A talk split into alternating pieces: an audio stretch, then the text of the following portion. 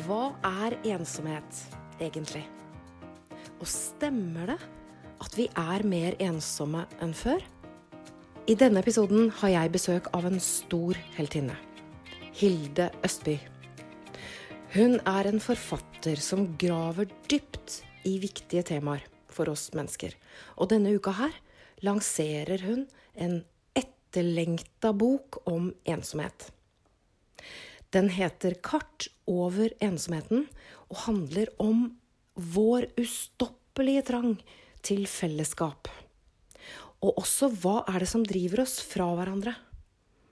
Denne boka, altså det som er spesielt med Hilde, hun går inn i forskningen.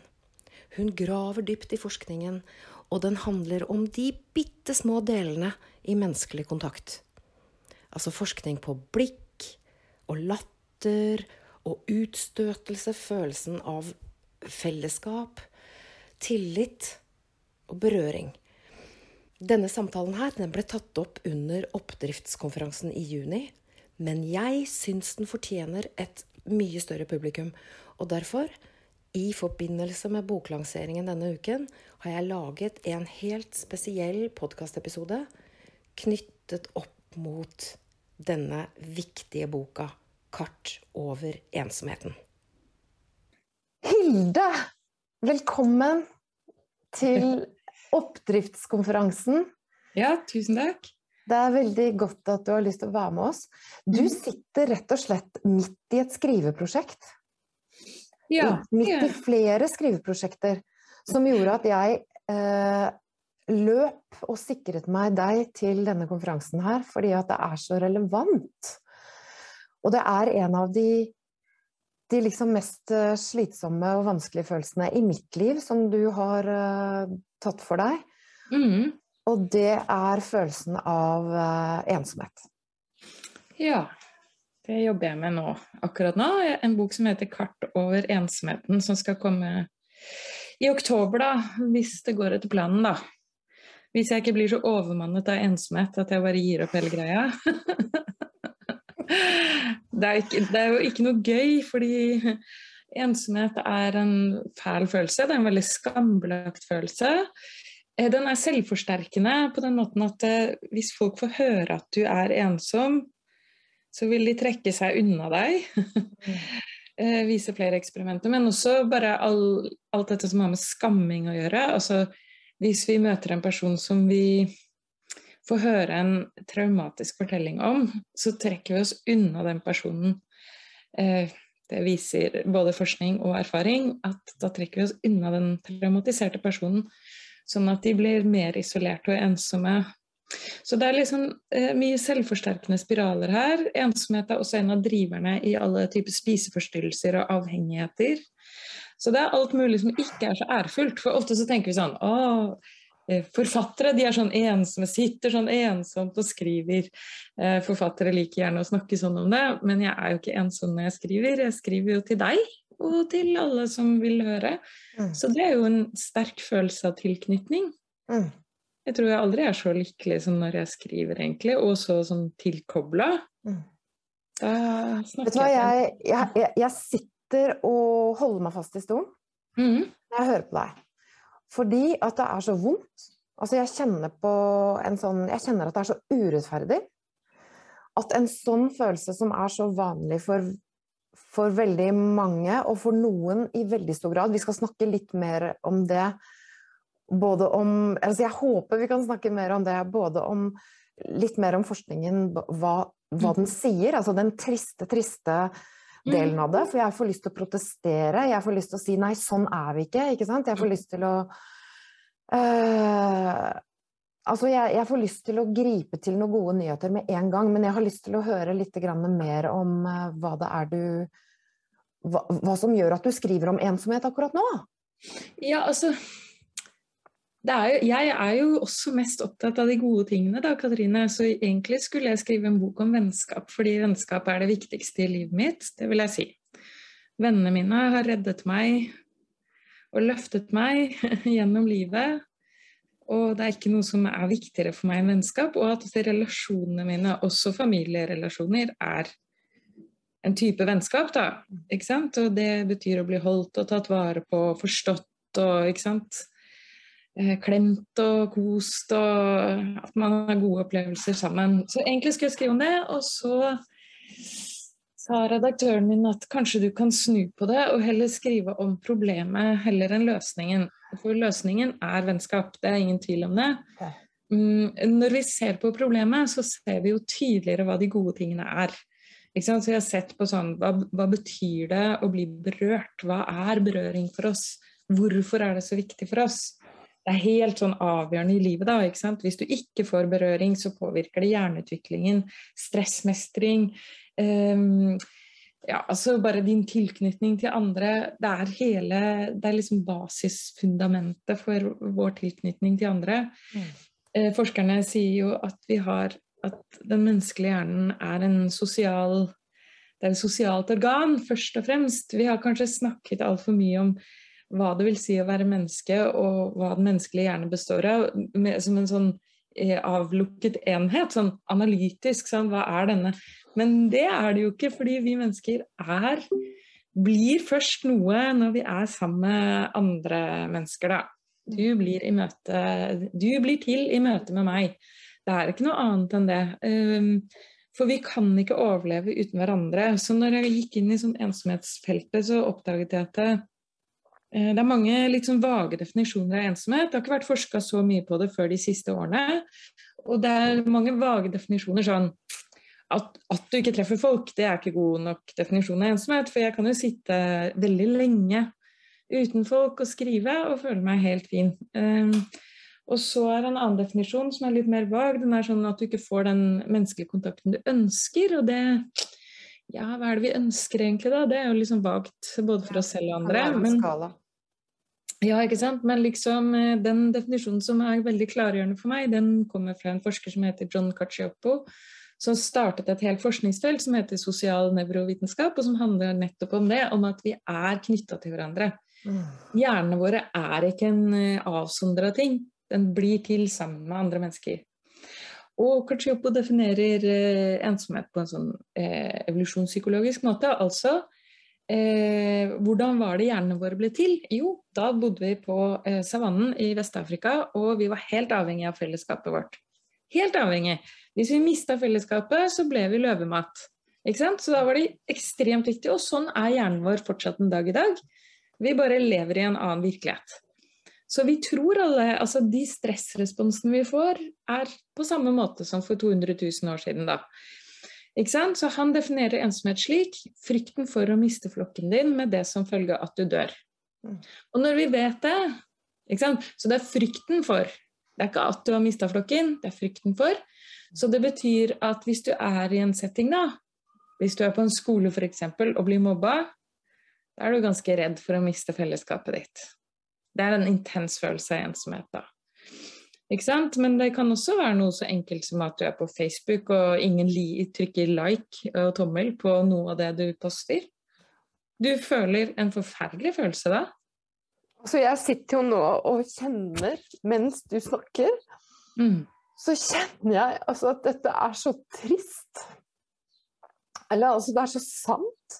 Altså jeg kjenner at det treffer et veldig sånn sårt og um, kjent sted for meg.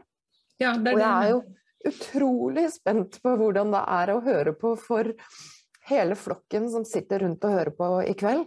Mm. Altså for, for, når du snakker Og jeg, jeg, skjønner at det er sant, for jeg kjenner jo også hjerneforskningen. Ja. Uh, og jeg, jeg, gråter egentlig fordi du treffer et veldig sånn ja, ensomt punkt hos meg. Da. Altså den frykten for å miste flokken. Mm. Opplevelsen av å miste den da jeg var liten, altså med mobbing, ja. som, som, er et traume som veldig mange av oss har opplevd. Ja, og grunn, altså, altså, grunnen til at jeg, liksom, jeg bruker litt tid på den gråten nå, fordi at er, det viser at det er så viktig uh, å ha tilgang til den. sånn at jeg bare jeg tillater den å komme, jeg kunne jo klippa den bort, si, men, det, men, da ville jeg vært en ganske dårlig emosjonell styrketrener.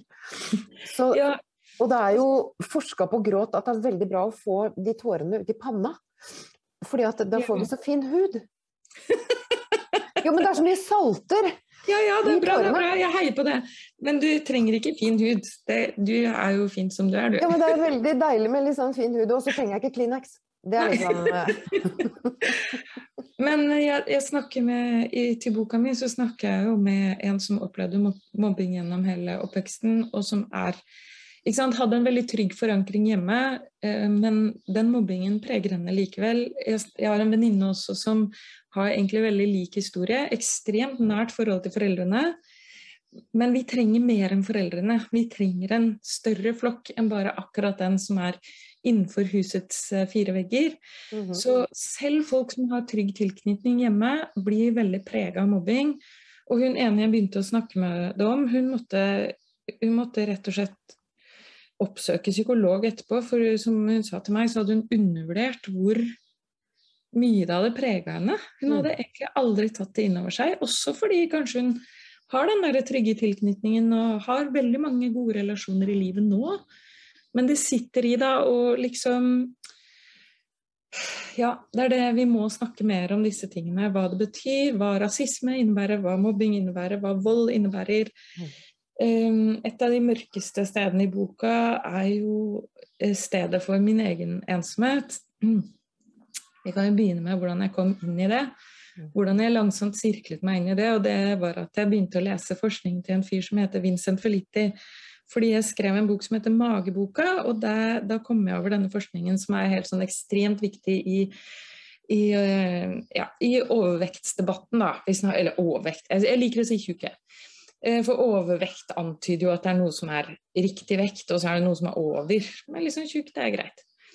Eh, og jeg har vært ganske tjukk sjøl, og jeg vet hvordan det er. Og jeg måtte jobbe med både mitt, liksom, fedmefobien min og alt mulig da jeg skrev denne mageboka. Så snublet jeg over Feliti. Han hadde nemlig en slankeklinikk i eh, San Diego. Hvor han skulle slanke middelklassen i eh, San Diego da, i USA. Og de er jo velutdanna, de vet alt om brokkoli og trening, så de lot seg lett slanke. Så det, de, det gjorde de. Eh, de gjorde alt han sa, og så gikk de ut av klinikken hans. Og så i det samme øyeblikket de kom ut, så la de på seg alt igjen.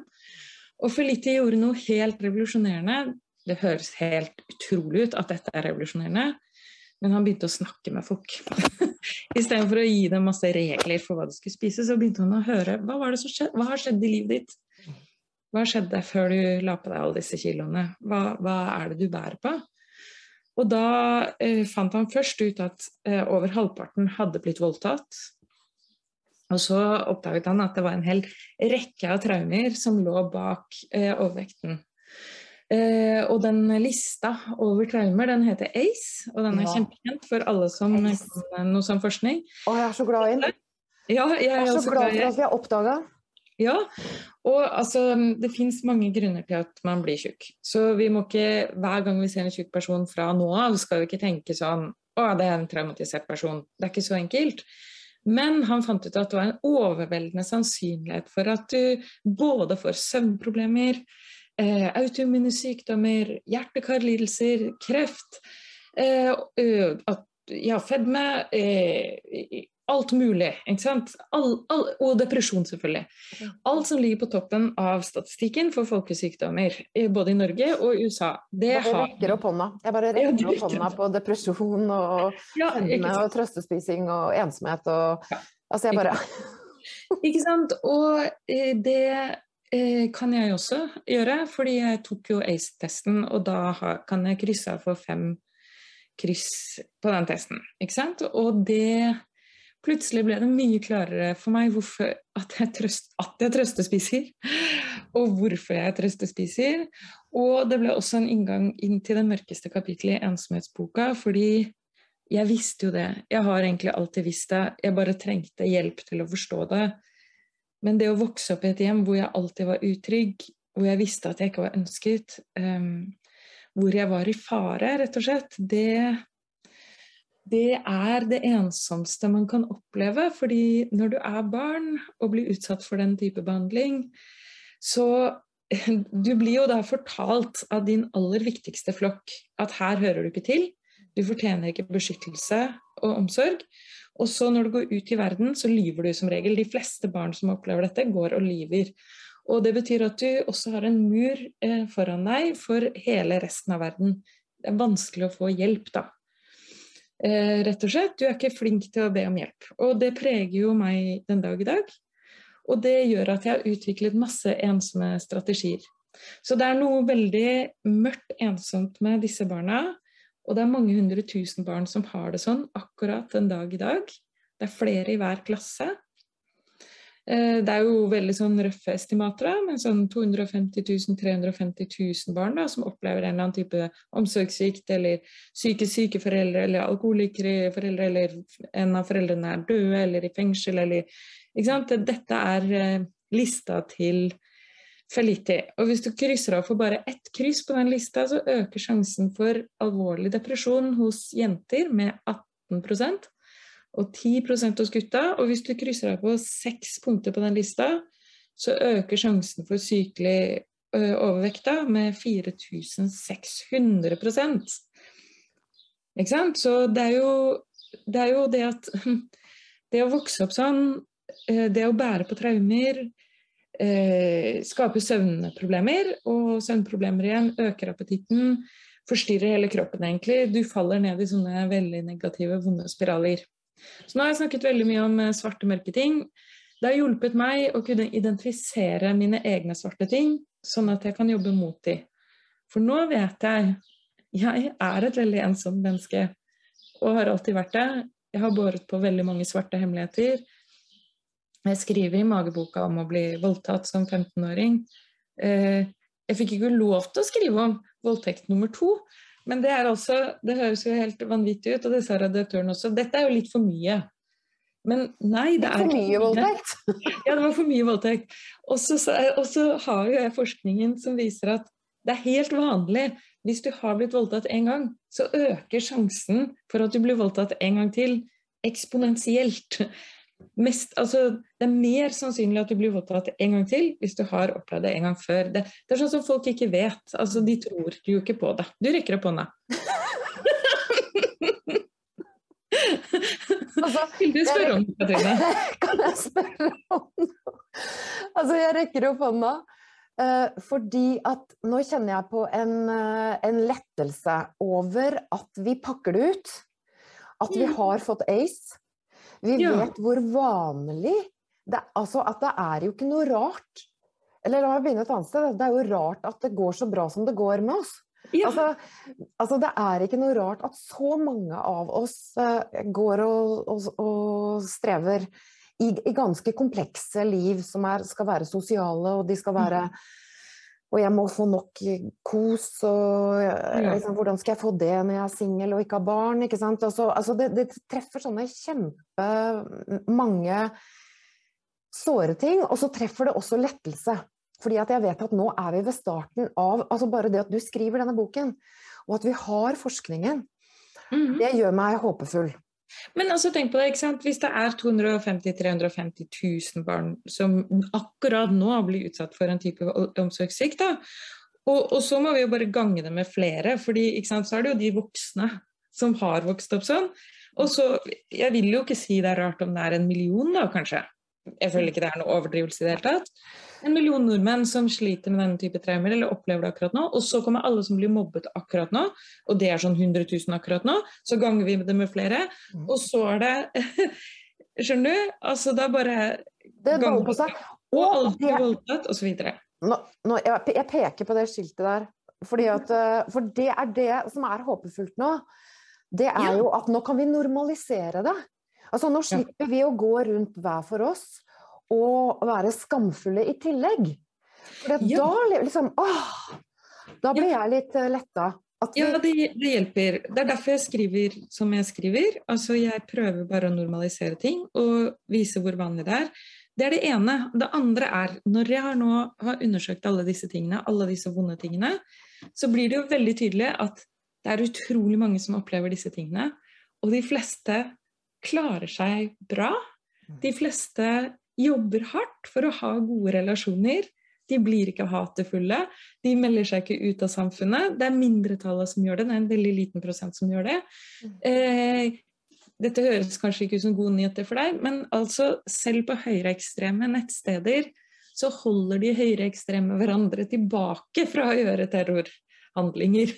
Fordi vi vil alltid, det mener jeg, vi vil alltid heller ha fellesskap mm. enn ikke-fellesskap. Mm. Er ikke det bra, da? Alltid, er bare, ja. Vi vil alltid ha Målet er jo kontakt, altså den følelsen ja. av kontakt. Vi vil ja. alltid ha Jeg bare gjentar det du sier, for det er så utrolig viktig. Vi foretrekker fellesskap. Men når vi kan ha fellesskap i vold, f.eks., for så foretrekker vi faktisk det framfor ingenting. Det er jo det som er altså Når vi kan ha destruktive fellesskap, mm. så, så, velger vi det. Og det er heller ikke noe rart, ikke sant? Nei, det er ikke noe rart. Men det slår meg en når, når, når, vi får denne boken din, så, så, må vi jo organisere samfunnet vårt annerledes. Altså, vi trenger jo å organisere samfunnet vårt rundt hva det faktisk er vi har behov for. Mm. Og det vi har behov for, er hverandre. Ikke sant? Forskningen er jo helt klar på det fra Harvard, den 75-årsstudie. Vi trenger nære, gode relasjoner. Mm.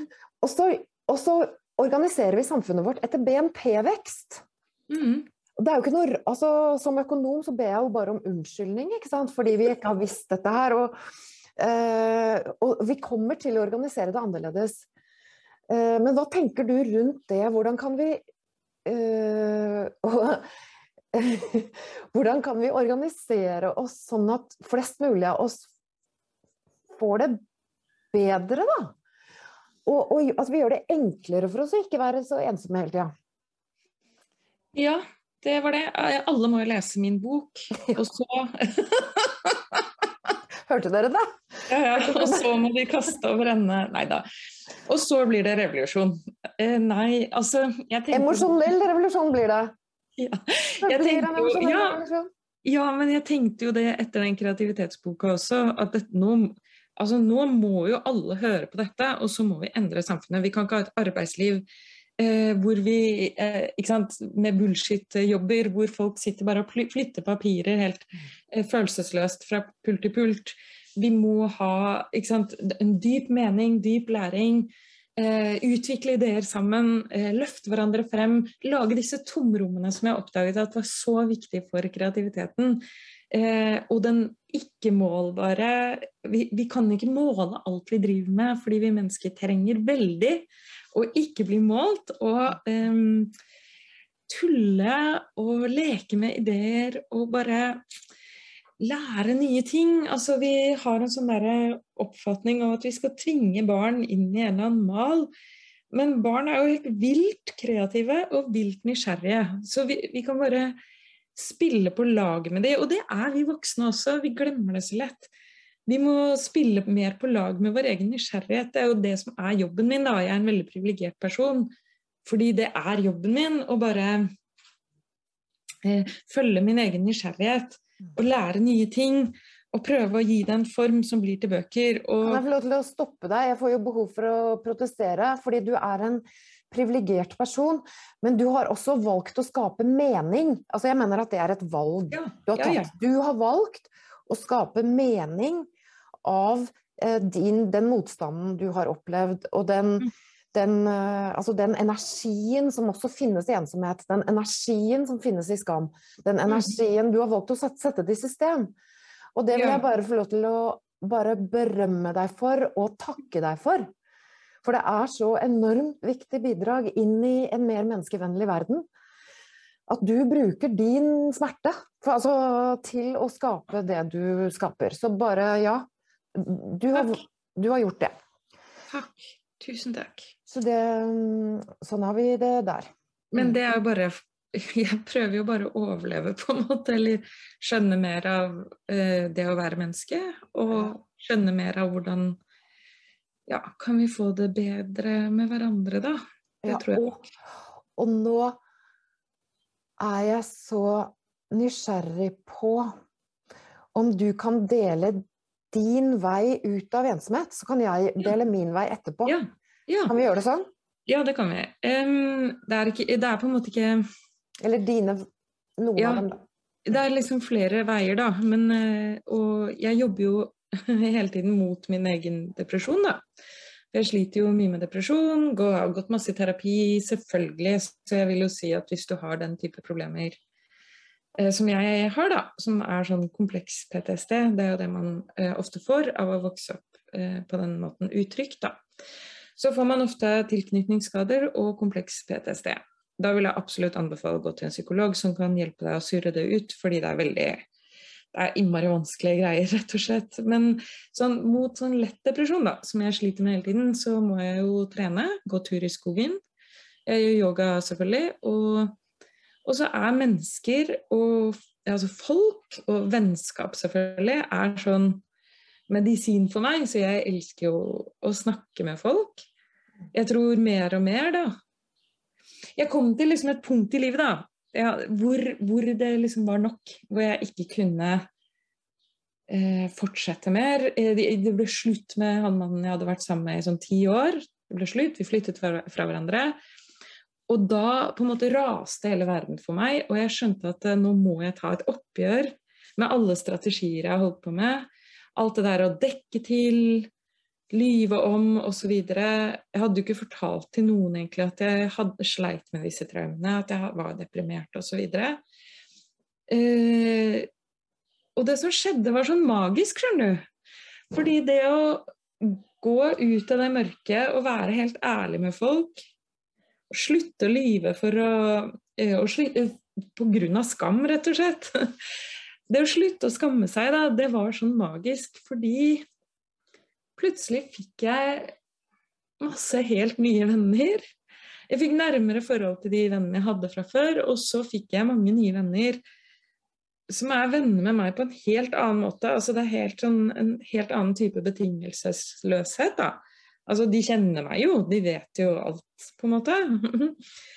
eh, så det gjorde at alle relasjoner ble annerledes. Og så, for første gang i mitt liv, så turte jeg å skrive en bok som jeg alltid hadde drømt om, men ikke klart. Jeg tror alle disse tingene hang sammen med at jeg ble mer ærlig med meg selv. Og det er ikke noe vidunderkur, det, altså. For det å være mer ærlig med seg selv er helt forferdelig og vondt og smertefullt og alt det der. Jeg fikk lyst til å gjøre sånn. Ja. ja. Uh... Og det er jo ikke noe sånn Det er ikke noe Men en av de eneste Det som er vidunderkur, nå rekker jeg hånda igjen, Hilda. Det som er vidunderkur Skole, dette nå. Det ble veldig sånn skoleklasse. Ja, ja, ja. Det som er vidunderkur, det er jo det miraklet som du, som du snakket om når du begynner å snakke sant. Mm. Altså det, er, det, heter jo i forskningen da, til, til uh, Brené Brown, som mm. er dronningen av emosjonell forskning eh, mm. globalt. Hun er den som har forsket mest på skam i hele dette universet. Mm. Og åpner jo dører og åpner liksom Ta av panseret og kjør på, mm. ikke sant? Så blir vi mm. trygge. Men hun kaller det jo for sårbarhetens kraft. Ja, Power of vulnerability. Mm. Og når vi Altså det, det, er jo det er naturlig for oss å tro at sårbarhet er svakhet. Sånn at veldig mange pakker det inn. Jeg drev jo pakka det inn som finansjournalist og kommentator i Aftenposten, og du verden, jeg pakka det inn i mastergrader mm. og sarkasme og ironi og gud mm. hjelpe meg. Men så viser det seg jo det at det er sånn, en så stor misfornøyelse, misfornøyelse misforståelse, at eh, sårbarhet er jo vårt mest presise Det er det motsatte av svakhet. Det er vårt mest presise mål på mot. Kanskje.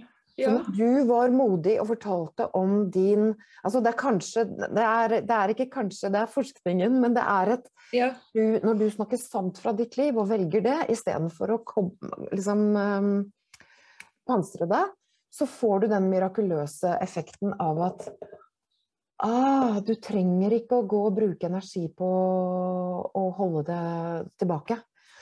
Ja, men jeg vet ikke Altså på det tidspunktet i livet mitt så følte jeg ikke at jeg var modig, Katrine. Fordi jeg sto på kanten av et åtteetasjers hus, liksom. Jeg sto på kanten, og mm. klokka seks om morgenen en lørdag morgen så tenkte jeg her, nå treffer jeg ikke noen, liksom.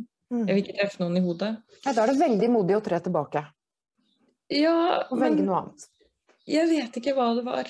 Men kall det, kall det, hva du vil, men jeg skjønner hva du Ja, da, det føltes bare helt nødvendig at liksom Da kommer jeg til det nullpunktet, og nå skal jeg ikke idealisere selvmord eller selvmordstanker. Jeg vil bare at alle skal kunne snakke mer om selvmordstanker. Skjønne at ofte så er selvmordstanker er bare et ønske om å komme seg ut av en situasjon. Det er ikke et tegn på at du skal ta livet ditt.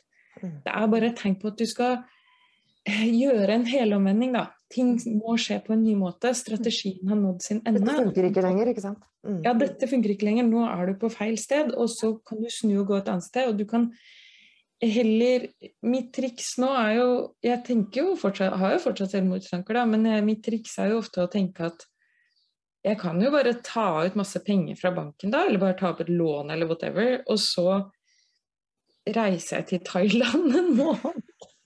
Og så ser jeg hva som skjer. Og når du har vært i Thailand en måned, så tror jeg kanskje at eh, ting føles litt bedre. Eh, og i hvert fall det å bare komme seg ut av situasjonen gjør at du føler deg bedre. Altså at du er godt trådt ut av der hvor du er sånn fastlåst, og så kommer du til et annet sted. Men uansett, jeg sto der på kanten av det åtteetasjershuset, og så tenkte jeg nei, jeg klarer ikke det. Jeg vet ikke hvorfor. Jeg kunne ikke gjøre det. Jeg tror det er vanskelig å si. Selvmord, som forskning på selvmord er veldig sånn paradoksal, og man har jo ikke fasiten, på en måte. Så man vet jo ikke hvem som ikke gjør det, og hvem som gjør det. Ennå? Nei, ennå. Eh, man vet jo at mange av de som ikke har dødd av å hoppe fra Golden Gate, når de blir Altså, det mest sannsynlig dør de da, for det er veldig høyt fall. Men det er noen få som har overlevd, og de sier at idet de er i fallet, så angrer de. Det kan vi i hvert fall vite. Jeg syns vi skal tenke det. At idet de faller, så angrer de. Og det er det du også ville gjort, så du skal ikke gjøre det. Så jeg snudde, jeg gikk tilbake, og da hadde jeg ikke noe valg, følte jeg. Da måtte jeg endre strategi, for nå var jeg på et sted hvor det ikke gikk lenger. At den skammen, det gikk ikke lenger. Men jeg føler meg ikke modig som har slutt... Jeg, jeg føler vel mer at jeg bare har ikke noe mer jeg har ikke så mye å miste, på en måte. Jeg tror jo aldri jeg har vært så veldig opptatt av status og penger, da. Jeg er null opptatt av status og penger. Så det er, ikke litt... sant. Det er ikke mulig å ikke være det. Men altså, det kan vi ta en annen samtale om. Nei, ja, det er det er det. Det er ikke mulig ja, å ikke være opptatt av det. Det er ikke mulig å ikke være det, men jeg er sånn mindre opptatt enn mange andre, da. Ok. If you say so. Okay. det tror jeg ikke noe på, men det, den status kan vi ta en annen samtale på, for det er kjempespennende. Jo, men det er interessant. Det er veldig interessant. Men OK, eh, ett bevis på at jeg ikke er så opptatt av status, da, Katrine. Fordi man tror kanskje at eh, vi har et e-, eget eh, sted i hjernen som heter ah, Det er et så morsomt navn. Fusi... Fusifugl Gud... Ja. ja. Sorry. Det har et så morsomt og rart navn som jeg ikke husker. Det er helt i orden. Eh, men ja det, Gyrus? Det, det er girus på slutten? Ja, jeg tror det. Ja, jeg kommer tilbake til det. Men i hvert fall um, Det er et eget senter i hjernen som bare handler om å huske ansikter. Og det har vi, mener forskerne, fordi vi er veldig opptatt av hierarkier. ikke sant? Vi skal huske ansiktene til de andre i hierarkiet. Vi er opptatt av, jeg er opptatt av hierarkier. Men til mitt forsvar jeg har veldig dårlig ansiktshukommelse. Så selv om, jeg som jeg, selv om jeg er opptatt av hierarkier, så aner jeg ikke hvem som har hvilken posisjon hvor. Jeg husker ikke folk. Så det, eh, folk har forskjellig grad av interesse for hierarkier. Det er så skamfullt å være opptatt av hierarkier. sånn at nå mm. fikk jeg idé til oppdriftskonferansen 2023. For der må vi snakke om status. Ja, det kan vi gjøre. Jeg er med jeg nå allerede. Ja, ikke sant. Du er med. 2023, da snakker vi om det, pakker vi ut det også. For det skaper også masse unødvendig trøbbel hos oss. At vi ikke vil jeg, Altså det å akseptere at jo, sånn er vi, det er en veldig Ja, men Katrine, da har jeg liksom to ting til deg. Det ene er en skamfull historie om meg selv eh, som forfatter. Fordi jeg trodde jo Mine eneste venner da jeg var liten, da når jeg vokste opp eh, og var eh, redd og alene, da var mine eneste venner var bøker. Så det å bli forfatter var på en måte å komme til mine venner. Og der var jeg liksom trygg fra alle disse hierarkiene som Særlig når man går på barneskolen, så vet man jo alt om hierarkiet. Mhm. Du vet hvem som er hvor i hierarkiet. Du lurer ikke på det. Du vet hvem som er kul og ikke kul. Og jeg var nest nederst, så jeg visste at jeg måtte bare ikke komme nederst, da. Jeg var helt nederst. ja, ikke sant. Eh, og jeg visste at jeg skal ikke helt nederst, for da blir jeg dratt med i det dragsuget. Da, går det over. da er det over for meg, liksom. Ja. så um, Men så kom jeg inn i litteraturen, og så merket jeg at det er jo hierarkier i litteraturen. Det er jo en grunn til at veldig mange av kvin oss kvinnelige forfattere er opptatt av den derre kulturmannen og sånne Knausgård-typer. Det er et eller annet med at de selvfølgelig alltid er øverst i dette hierarkiet. Um, de raser opp til toppen der, mens eh, vi kvinner liksom skal stå på siden og applaudere jo, det, og etter at Vigdis Hjort har skrevet som Knausgård og blitt latterliggjort i 15 år altså nå bare sånn, altså hun ja. har jo, Det er jo hennes sjanger. Og hun yes. har måttet gjennomgå så ufattelig mye pes for det. Og så kommer da Nå er det bitterhet, nå validerer vi bitterhet, ikke sant? Mm. Er, eh, og bitterhet er også en ja. veldig viktig følelse å ha kontakt med. Ja og ja. akseptere. Så nå validerer bitter, bitter. Men fortsett. Takk. Nei da, og jeg, jeg, er enig i den bitterheten. Altså at det, det, er bare ren urettferdighet, på en måte. Og det skal vi se, og det skal vi slå ned på. Men så, så det var det ene. At um, det å uh, Ja. Det å ikke bli invitert på en festival, f.eks., det kan jeg bli sånn skikkelig bitter for. Og, mm. sånn, og da vet jeg da vet jeg innerst inne at jeg er lavere på hierarki da, enn de ja. som er invitert til den festivalen. Da. Og da begynner, jeg liksom, da begynner det å koke inni meg, og er sånn masse skam og selvforakt, og du vet hele greia. Mm. Og jeg får en sånn derre Å ja, de er innafor, og jeg er utafor-følelse. Men Hilde, du har en ja. mye bedre gjeng. For du ja. er nemlig invitert til oppdriftskonferansen. Ja! Og det er neste veldig... år også, viser det seg. det er et kjempeprestisjeprosjekt. Eller jeg inviterte meg selv til neste år, da. Ja. Jo, men grunnen til at jeg kan si noe om dette eh, med hierarkier, er at det ble veldig tydelig for meg i arbeidet med ensomhetsboka. For nå skal jeg fortelle deg hvem som er ensomme. Det er ikke tilfeldig hvem som er ensomme. Hvis eh, ensomhet er frykten for utstøtelse med det som følge av at du dør, så er det jo kanskje vi skal begynne å ta på alvor den følelsen som et helt konkret tegn på at du blir utstøtt. Og hvem er det som ligger høyest på ensomhetsstatistikken? Altså Hvis du bryter ned grupper, så er det jo de som opplever rasisme, de som er fattige, de som lever med funksjonsnedsettelser. Eh, ja, ikke sant? Det er bare å gå etter de såkalt svake gruppene i samfunnet, så ser du plutselig at her stiger jo ensomhetsfrekvensen veldig. Og det er fordi de opplever utstøtelser. Ikke fordi de bare føler litt vagt at de kanskje blir utstøtt. Nemlig. Og dette trenger vi å snakke om. Det er derfor vi trenger å snakke om uh, status på neste Altså hva, hva det gir av, av biokjemi Altså det er biokjemi, Hilde. Mm. Det er biokjemi. Når, ja, vi, når vi, blir tryk, trykket ned, så skjer det så, så, får vi faktisk eh, mindre serotonin opptak ja. i hjernen. Ja, ja, ja. Mindre dopamin. Vi, blir, mm. vi, får kjempestress. Det er kortisol herfra til eh, verdensrommet. Ja. ja, og hvorfor det? Jo, fordi Jo, dette er min teori. Fordi når vi begynner å bli utstøtt, da, så er vi på vei ut mot kanten av flokken. Og der kan du bli etterlatt for å dø. Ja. Så det er en ekte skummel følelse. Nå tar jeg, jeg tar, Og det er eh, Nei, dette fortsetter vi med. Ja. Kan jeg fortelle, nå holder jeg på amygdala. Det er min måte å liksom eh, roe ned når jeg føler meg Nå føler jeg meg veldig sånn tilhørighet her. Det er bra. Kjenner jeg, og jeg kjenner at det er skikkelig spennende og fint å snakke med deg. Og så kjenner jeg at det vi snakker om er faktisk så krevende at jeg må berolige hjernen min litt. Og så lovte jeg i sted at jeg, kunne, at jeg hadde lyst til å dele mine, ja, noen, noen av mine veier ut av ensomhet. Ja. Og det er eh, at jeg minner meg selv på at det er ikke noe rart at jeg først går til ensomhet, fordi at det ligger så langt Altså, mine indre samtaler har i så mange år gått på du er, mis, nei, du er upopulær, å oh ja, du har den samme stemmen som meg. Ja. Og vi er så mange som har den.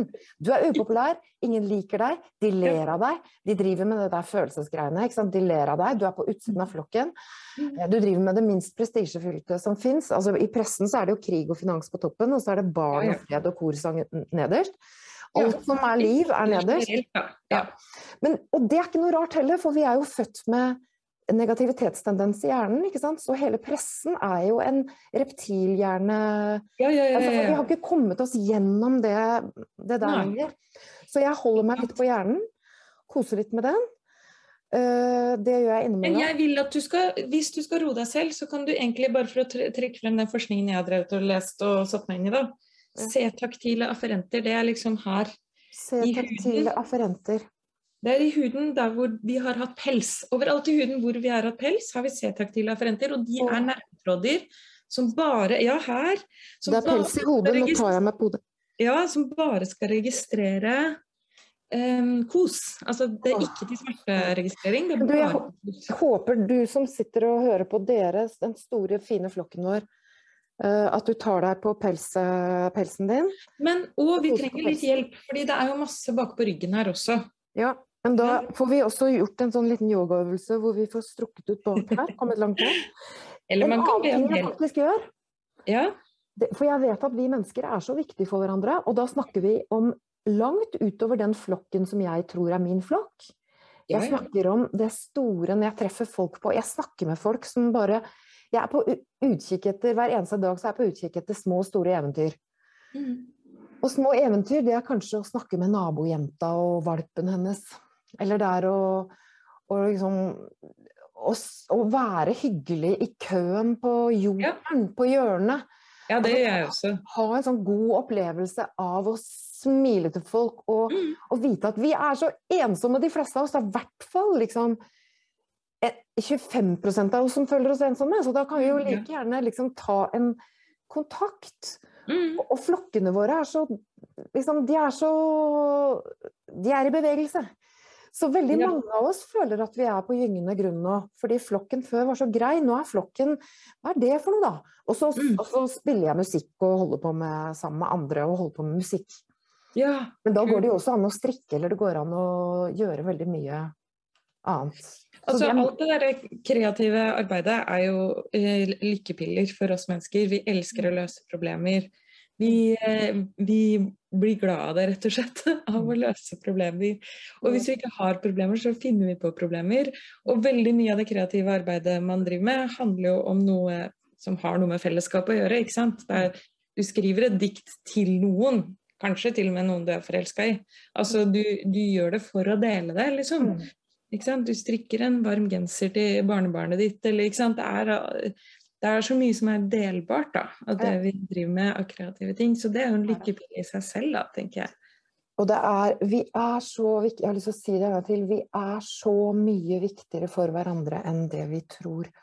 Og vi kommer til å, eh, du og jeg og andre som ser det vi ser, kommer til å gjøre noe systematisk også i samfunnet mm. for å gå fra BNP og til å å heller liksom sørge for at vi, vi, skaper tilhørighet og mening. Følelsen av mm. mening, følelsen av mestring, følelsen av mm. tilhørighet. At det er noe vi faktisk styrer etter fra Stortinget og fra Finansdepartementet. Jeg sier ikke at dette skjer i vår levetid, men vi begynner i hvert fall med det arbeidet nå. Jeg er med på det arbeidet. Jeg er helt enig med deg. Vi må oppføre oss som om alle er del av flokken. Mm. Så jeg snakker til alle jeg møter, tilfeldig på gata eller mm. naboen eller whatever, som om vi er en slags venner. Det synes, liksom jeg begynner der, ikke sant. Mm. Kommunikasjonen må begynne der. Hilde, takk for at du var her og romsterte, og at du, er, at du snakker sant. Jeg kjenner meg mindre ensom nå enn da jeg gikk inn før denne samtalen. Det var bra. Jeg føler at vi er en flokk. Vi er en flokk. Eh, og så gleder jeg meg til boka di. Takk. Når kommer den? Veit du det? Jeg håper 10. oktober, da.